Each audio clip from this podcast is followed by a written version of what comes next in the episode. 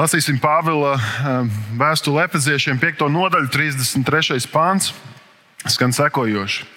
Katram no jums būs savu sievu mīlēt kā sev pašu, bet sieva lai jūt bijību pret savu vīru. Debes Tēvs, mēs Tev pateicamies par to, ka Tu esi parādījis mums savu mīlestību un aicini to nest tālāk. Ka Tu aicini mums to parādīt vienam pret otru ar īpašu laulībā. Kungs, es lūdzu, ka Tavā spēkā mēs spējam dzīvot līdz nāve mūs šķir. Ka mēs spējam mīlēt, ka mēs spējam būt uzticami un ka mēs spējam arī cienīt. Jēzu, Tavā vārdā to lūdzu. Āmen. Sēdieties. Kā jau uh, mācītājs Ainars Baštiks uh, dievkalpojuma sākumā minēja, tad uh, šodien ir Startautiskā ģimenes diena. Un starptautiski tā ir, jo visā plašajā pasaulē šodien tiek atzīmēta šī diena. Un, 1993. gadā apvienoto nāciju organizācija lēma, ka 15. maija būs tā diena, kad mēs īpaši atzīmēsim un svinēsim ģimenes, runāsim, domāsim par aktuālām tēmām, kas saistītas ar to, kā var stiprināt ģimeni.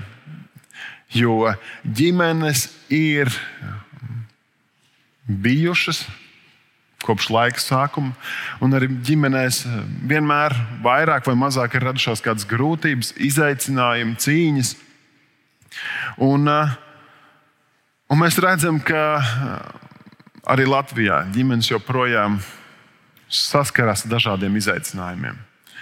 Eh, un eh, Latvija ir eh, Eiropas Savienībā pirmajā vietā, un pirmā šoreiz nav labākā, bet sliktākā vieta.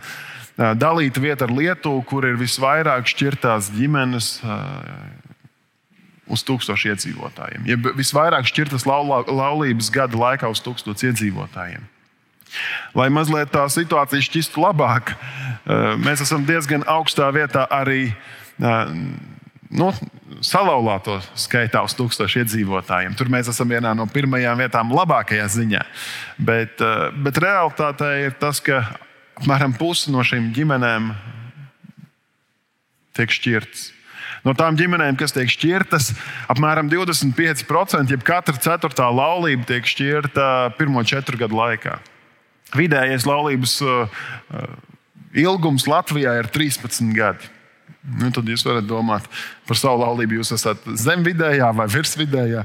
Katrā ziņā mēs eh, precoties solam viens otram būt kopā līdz nāvei. Mūsu šķirs nevis uz 13 gadiem, nevis uz 4 gadiem, bet līdz nāvei mūsu šķirs. Un tomēr kaut kur procesā radās kāda spriedze, kāds aizvainojums, rūkums, sāpes, un cilvēks saka, nē Šis pāris saka, mēs vairs neiesim tālāk kopā. Tas, ko mēs toreiz solījām, solījām viens otram, nav vairs aktuāli. Veselīgā ģimenē tur ir tēvs un tur ir māte. Un tur arī mīlestības rezultātā rodas bērni, kuri var augt, veidoties. Un, kā mēs nu pat dziedājām, piedzīvot, ka Dieva roka ir pār viņiem no paudzēm uz paudzēm un nes šo svētību tālāk. Mēs runājām pirms divām nedēļām par to, ka mīlestībai jābūt nevis vienkārši kādām sajūtām, bet mīlestībai ir jābūt kā reālai rīcībai, kas uzupurējas, kas otru liek augstāk par sevi. Mēs aizvadītā nedēļā runājām par, par to, ka uh, uzticība ir kā atslēga uz patiesu tuvību kad mēs varam justies droši, kad mēs varam justies mīlēti un tādi, kur mēs varam sniegt arī otram patiesu mīlestību. Un šodien es gribu ar jums kopā runāt par cieņu. Un, un cieņu tieši laulības kontekstā mūsu dažādībā. Jo reizēm šķiet, ka man otrs ir jāpārveido par katru cenu, lai viņš ir pēc iespējas līdzīgāks man. Un ja mēs būsim pēc, pēc iespējas vairāk jautājumos viensprātis, tad jau mēs spēsim kopā pastāvēt un cienīt viens otru. Bet Dievs mūs nav radījis vienādus. Viņš mūs ir radījis vienlīdz vērtīgus, bet atšķirīgus. Un tā pirmā lieta ir tajā, ka eh, cieņa ir eh, šīs vērtības izrādīšana otram, otra novērtēšana. Pirmā pētera vēstulē ir otrās nodaļas 17. pantā, tur ir uzskaitījums ar kādām lietām, ko mums būtu jātur godā. Tur vienkārši vārdi turi visus godā. Un, un tad ir uzskaitījums, ka mums ir jāgodā ķēniņš, mums ir jāgodā brāļi un māsas draudzē. Mums ir jā, jāgodā katrs mūsu līdzcilvēks. Un, ja katrs, ja mums visi ir jāgodā, tas nozīmē arī mana sieva man ir jāgodā. Sievai vīrs ir jāgodā, jāciena. Īpaši mums šī, šī lieta ir jāizdzīvo ģimenē. Un tas man katram mums ir jāuzdod jautājums, vai es novērtēju savu dzīves draugu, vai es novērtēju savu sievu, vai tu novērtēji savu vīru, un cik augstu es viņu vērtēju, ko viņš man nozīmē, ko viņa man nozīmē. Vai es eh, to arī izrādu? Jo reizēm mēs cenšamies otram ļoti izpatikt, izpelnīties simpātijas, uzmanību. Tā ir sākuma posmā, kamēr mēs iepazīstamies, iemīlamies. Un tad apprecāmies, un tad jau iesākās kāda rutīna, pieredums. Un beig beigās ar šo otru cilvēku, kurus tik ļoti mīlu, vai vismaz esmu teicis, ka mīlu, beigās uztver kā tādu pašsaprotamību, kas vienmēr būs ar mani, vienmēr rūpēsies par to, lai laulība neizjūg, bet pats lēnām atslābst ar vien vairāk un vairāk. Es atceros kādu reizi, tas bija pirms apmēram desmit gadiem, eh, kad es braucu eh, mājās no Kristīgā rādio, kur es tajā brīdī kalpoju kā viens no, no moderatoriem, vakar dīdžejiem. Un, uh, tajā reizē man mājās veidā, mm, es dzīvoju Ogrē, man mājās veidā kāds mācītājs no Ogres. Un viņš teica, uh, ka viņš ar sievu uh, svin desmit gadu kāzu jubileju. Un, un bija kāda vārda, ko viņš teica, ka viņš tikai nu, pat viņam sāk likties, ka viņš sāk iepazīt savu sievu. Es pie sevis kā jauns uh, puisis domāju, ka kaut ko jūs darat nepareizi. Jums desmit gadus vajag, lai tikai sāktu iepazīt vienam otru. Un, eh, un tagad, kad mēs ar sieviņu esam te deviņus gadus precējušies, tad es saprotu, ka man arī vēl ir kur iepazīt un iepazīt. Ir lietas, kas ir, protams, jau no sākuma bijušas atklātas, bet jo vairāk tu ieguldies šajās attiecībās, jo vairāk tu tās pēti, jo vairāk tu vēlies tās kopt, tad tur kaut kas jauns parādās. Tas ir līdzīgi kā dārsts, par kuru tev ir jārūpējas. Jāizravē kādas lietas, kuras, kurām tur nav jābūt un atkal jāliek kaut kas iekšā. Un savā laikā tur kaut kas var uzplaukt. Pāvils 1. vēstulē Timotejam 5. nodaļā raksta, bet ja kāds negādā par saviem un visvairāk par savas mājas ļaudīm, tad viņš ir aizliedzis ticību un ir ļaunāks par neticīgo. Es, kad lasu šo pāntu, Te vārdi derdzas ausīs, aizliedz ticību, ļaunāks par neticīgo. Kāpēc? Ko tad viņš tādu ir izdarījis? Viņš neko nav izdarījis. Viņš ir tieši otrādi nav izdarījis. Viņš nav gādājis par saviem. Viņš nav parādījis cieņu, viņš nav parādījis rūpes, viņš nav parādījis, ka viņš novērtē savu ģimeni, savējos. Man šķiet, tur ir divas lietas, kāpēc viņš ir ļaunāks par neticīgo, kāpēc viņš ir aizliedzis ticību. Pirmkārt, jo, jo viņš sāpina savus mīļos, kuri ir atstāti novārtā. Un otrkārt, eh, viņš šādā veidā nes sliktu liecību par Kristu. Kurš uzupurējās, kurš gādā, kurš nāca, kurš bija klātesošs. Tādā veidā es teiktu, ka tā ir tāda dubulta slikta kombinācija, jo viņš veido mācekļus kuri stāstīs un rādīs citiem ar piemēru savu bērnu. Ja viņi augs, viņi rādīs ar savu piemēru. Kāda ir kristietība? À, kristietība ir tāda, kur tēvs nekad nav mājās. Vienmēr tika aizņemts kalpojot, ka viņš nekad nav mājās. Sieva teiks, visi citi ir svarīgāki nekā es. Un mums patīk reizēm būt justies svarīgiem, kalpot, būt vienā, otrā, trešā seminārā un pasākumā, garīgi pieaugt, kas it kā viss ir labas lietas, bet atstāt novārtā mājniekus, jo viņi taču sapratīs. Un kādam varbūt tā nav tieši kalpošana draudzē, bet tas ir uh, laiks darbā, kur tu esi tik daudz, ka beigās mājnieki tev neredz. Sapelnījis lielo naudu, kur, ar kuru mēģina atpirkties no, par to laiku, kad neesi bijis kopā.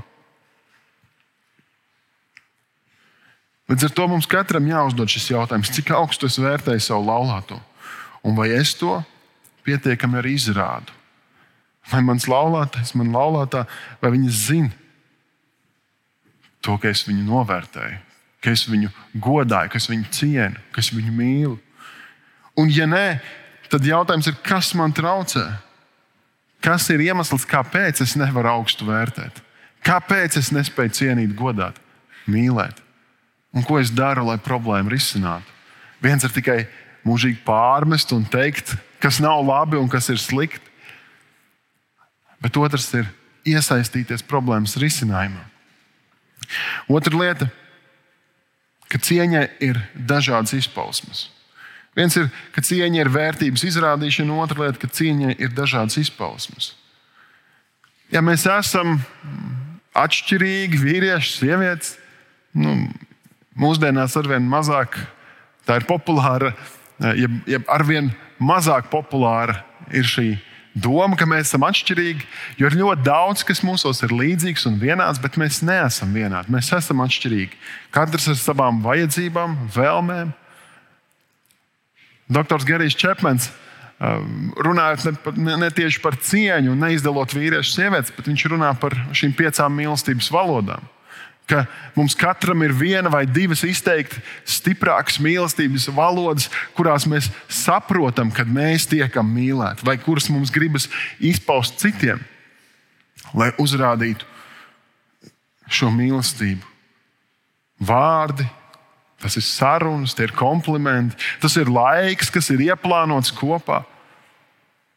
Tie ir pieskārieni, tie ir mīlestības darbi, kalpojoši darbi vai vai tās ir dāvanas. Un, un visas ir svarīgas lietas. Bet, ja mēs katrs fokusējamies uz, tām, uz to vienu vai divām uh, mīlestības valodām, kas ir man svarīgas, tad tā ir nevis mīlestība, bet tā ir patmīlība. Ja es otram spiežu runāt tikai manās mīlestības valodās, tad tā ir patmīlība, nevis mīlestība. Tā vietā Pāvils runājot uz vīriem un sievām, viņš mūs aicina domāt par tā otra mīlestības valodu. Jeb par to veidu, kā mēs varam parādīt cieņu. Jo tajā brīdī, kad es mēģinu iekāpt otrā kurpēs un saprast, kas viņam ir vajadzīgs, tad es viņam parādu patiesu cieņu, patiesas rūpes. Pāvils eh, Vēstulē Efeziešiem 5. nodaļā, ko mēs lasījām dievkalpojumā, Es lasīšu 22. un 25. pāntu. Viņš saka, sievas, esiet paklausīgas saviem vīriem, kā tam kungam, vīri. Mīliet savas sievas, tāpat kā Kristus ir mīlējis savu draugu, pats nododamies viņas labā. Tad, tad eh, sievai būtiski ir paklausīt vīram, ļaut viņam vadīt, ļaut viņam uzņemties iniciatīvu Un reizēm tas nav viegli, ja vīrs eh, varbūt eh, nav tik eh, gudrs kā tu. Un es negribu teikt, ka vīrs ir muļķis, bet reizēm mums liekas, ka es zinu gudrāk, es zinu labāk, viņš ir lēnāks, viņš ir netik attapīgs. Bet ar visu šo apziņu ļaut viņam vadīt, ļaut viņam uzticēt tev kādu atbildības zonu, ļaut viņam nonākt pie uh, kādiem secinājumiem.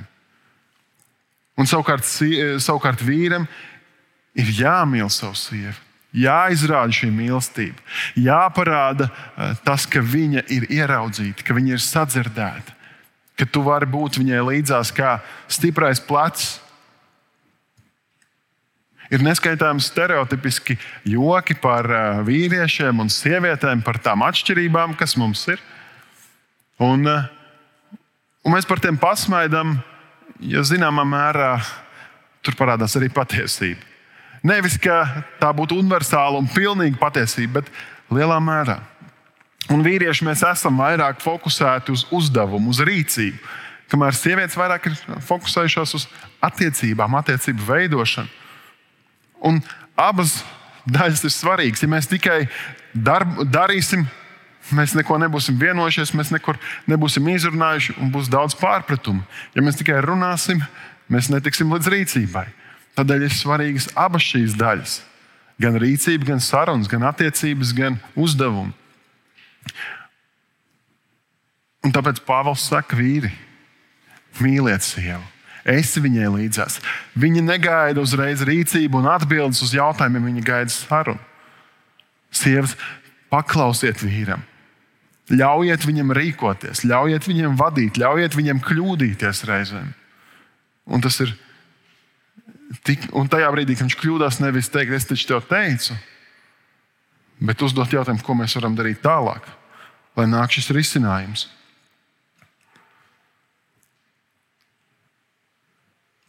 Vīrietim vieglāk ir eh, parādīt savu mīlestību caur cieņu, caur uh, varbūt kaut kādu rīcību, sekošanu kādām pavēlēm vai norādījumiem, bet tā vietā viņam būtu jāparāda mīlestība, rūpēs un laikā.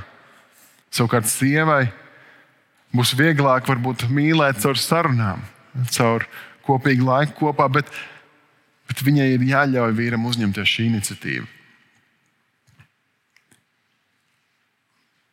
Un Pāvils mazliet tālāk, turpinot 28. un 29. pantā, viņš saka, tā arī vīriem pienākas savas sievas mīlēt kā savu miesu. Kas mīl savu sievu, tas mīl sevi pašu. Jo neviens nekad vēl nav ienīdis pats savu miesu, bet katrs to kopī un glabā tāpat kā Kristus draugs. Mums jāierauga, ka mēs laulībā esam kopā nevis lai pierādītu savu taisnību vai to kādā sacensībā uzvarētu, bet ka mēs tajā esam kopā, kā vienota miesa, kā vienots ķermenis ar vienotu uzdevumu. Un, un tad mēs varam virzīties uz priekšu. Un mums līdz ar to pašaizliedzīgi ir jārūpējas un jāciena un jāgodā tā. Un tad mēs eh, abi esam ieguvēji. Nevis pierādot un pārveidojot otru par katru cenu savā līdzībā, bet ieraugot šo skaistumu dažādībā, novērtējot to, cienot un izrādot mīlestību saprotamā veidā otram. Bībele mums Jēzu portretē kā piemēru. Arī šeit Pāvils portretē Jēzu kā piemēru attiecībās vīra mīlestībai pret sievu arī kā pamatojumu, kāpēc sievai būtu jāpaklausa vīram, līdzīgi kā līgava, kā draudzene paklausa Kristum. Bībele mums rāda, ka mēs varam skatīties uz Kristu. Un kamēr Kristus nav mūsu dzīves, ja mūsu sirds centrā, tikmēr tur būs kāds cits. Visbiežāk jau es pats. Un ja es pats esmu savas dzīves centrā, tad nav nekāda iemesla mēģināt kalpot otram, sevi likt otrajā vietā un otru likt pirmajā. Tajā brīdī, kad es saprotu, ka šai, šai eh, pārmaiņai ir jānotiek manā sirdī, tikai tad es varu piedzīvot to, ka es saņemu šo svētā gara dāvanu, kad es varu kalpot otram ar prieku, ka es ieraugu uh, laulību un attiecības ar Kristus acīm kur viss nav par to, ka man ir jāuzvar un jāpierāda savu taisnību, bet ka mums kopā ir jāveidojas Kristus līdzjūtībā un jāizdzīvo tā lielā dāvana, ko mēs esam saņēmuši arī ģimenes kontekstā. Es aicinu, ka mēs varam piecelties, lūgsim Dievu, noslēgsim šo dievkalpojumu ar svētīšanas vārdiem, un tad arī dziedāsim noslēguma dziesmu. Varenais Dievs, Mēs tev pateicamies par eh, tavu lielo mīlestību, ko tu esi parādījis mums caur Kristu. Paldies tev par to, ka Kristus nāca, pazemojās un mīra krustu nāvē, lai mēs varētu dzīvot. Ka caur viņa rīcību mūsu grēki ir piedoti. Paldies, ka mēs varam uz Jēzu skatīties un ieraudzīt šo kalpošanas, nodošanās piemēru. Varenais Dievs, es lūdzu, ka tu palīdzi mums to izdzīvot arī attiecībās. Laulībā tiem, kuri, kuri ir laulībā. Kungs, es lūdzu, ka tu palīdzi dziedēt tās sāpes un, un uh, traumas un rētas, kas ir bijušas mūsu dzīves gaitā. Un ka mēs varam ikvienā vietā, kur esam, ka mēs varam uh, norādīt uz tevi. Nebūt līdzīgi pasaulē, bet ka mēs varam pagodināt tevi, rūpējoties par savu ģimeni. To es lūdzu tavā svētā vārdā. Dieva tēva mīlestība, Jēzus Kristus žēlastība un svētā gara sadraudzība, lai ir un paliek ar mums visiem, tagad un vienmēr. Āmen!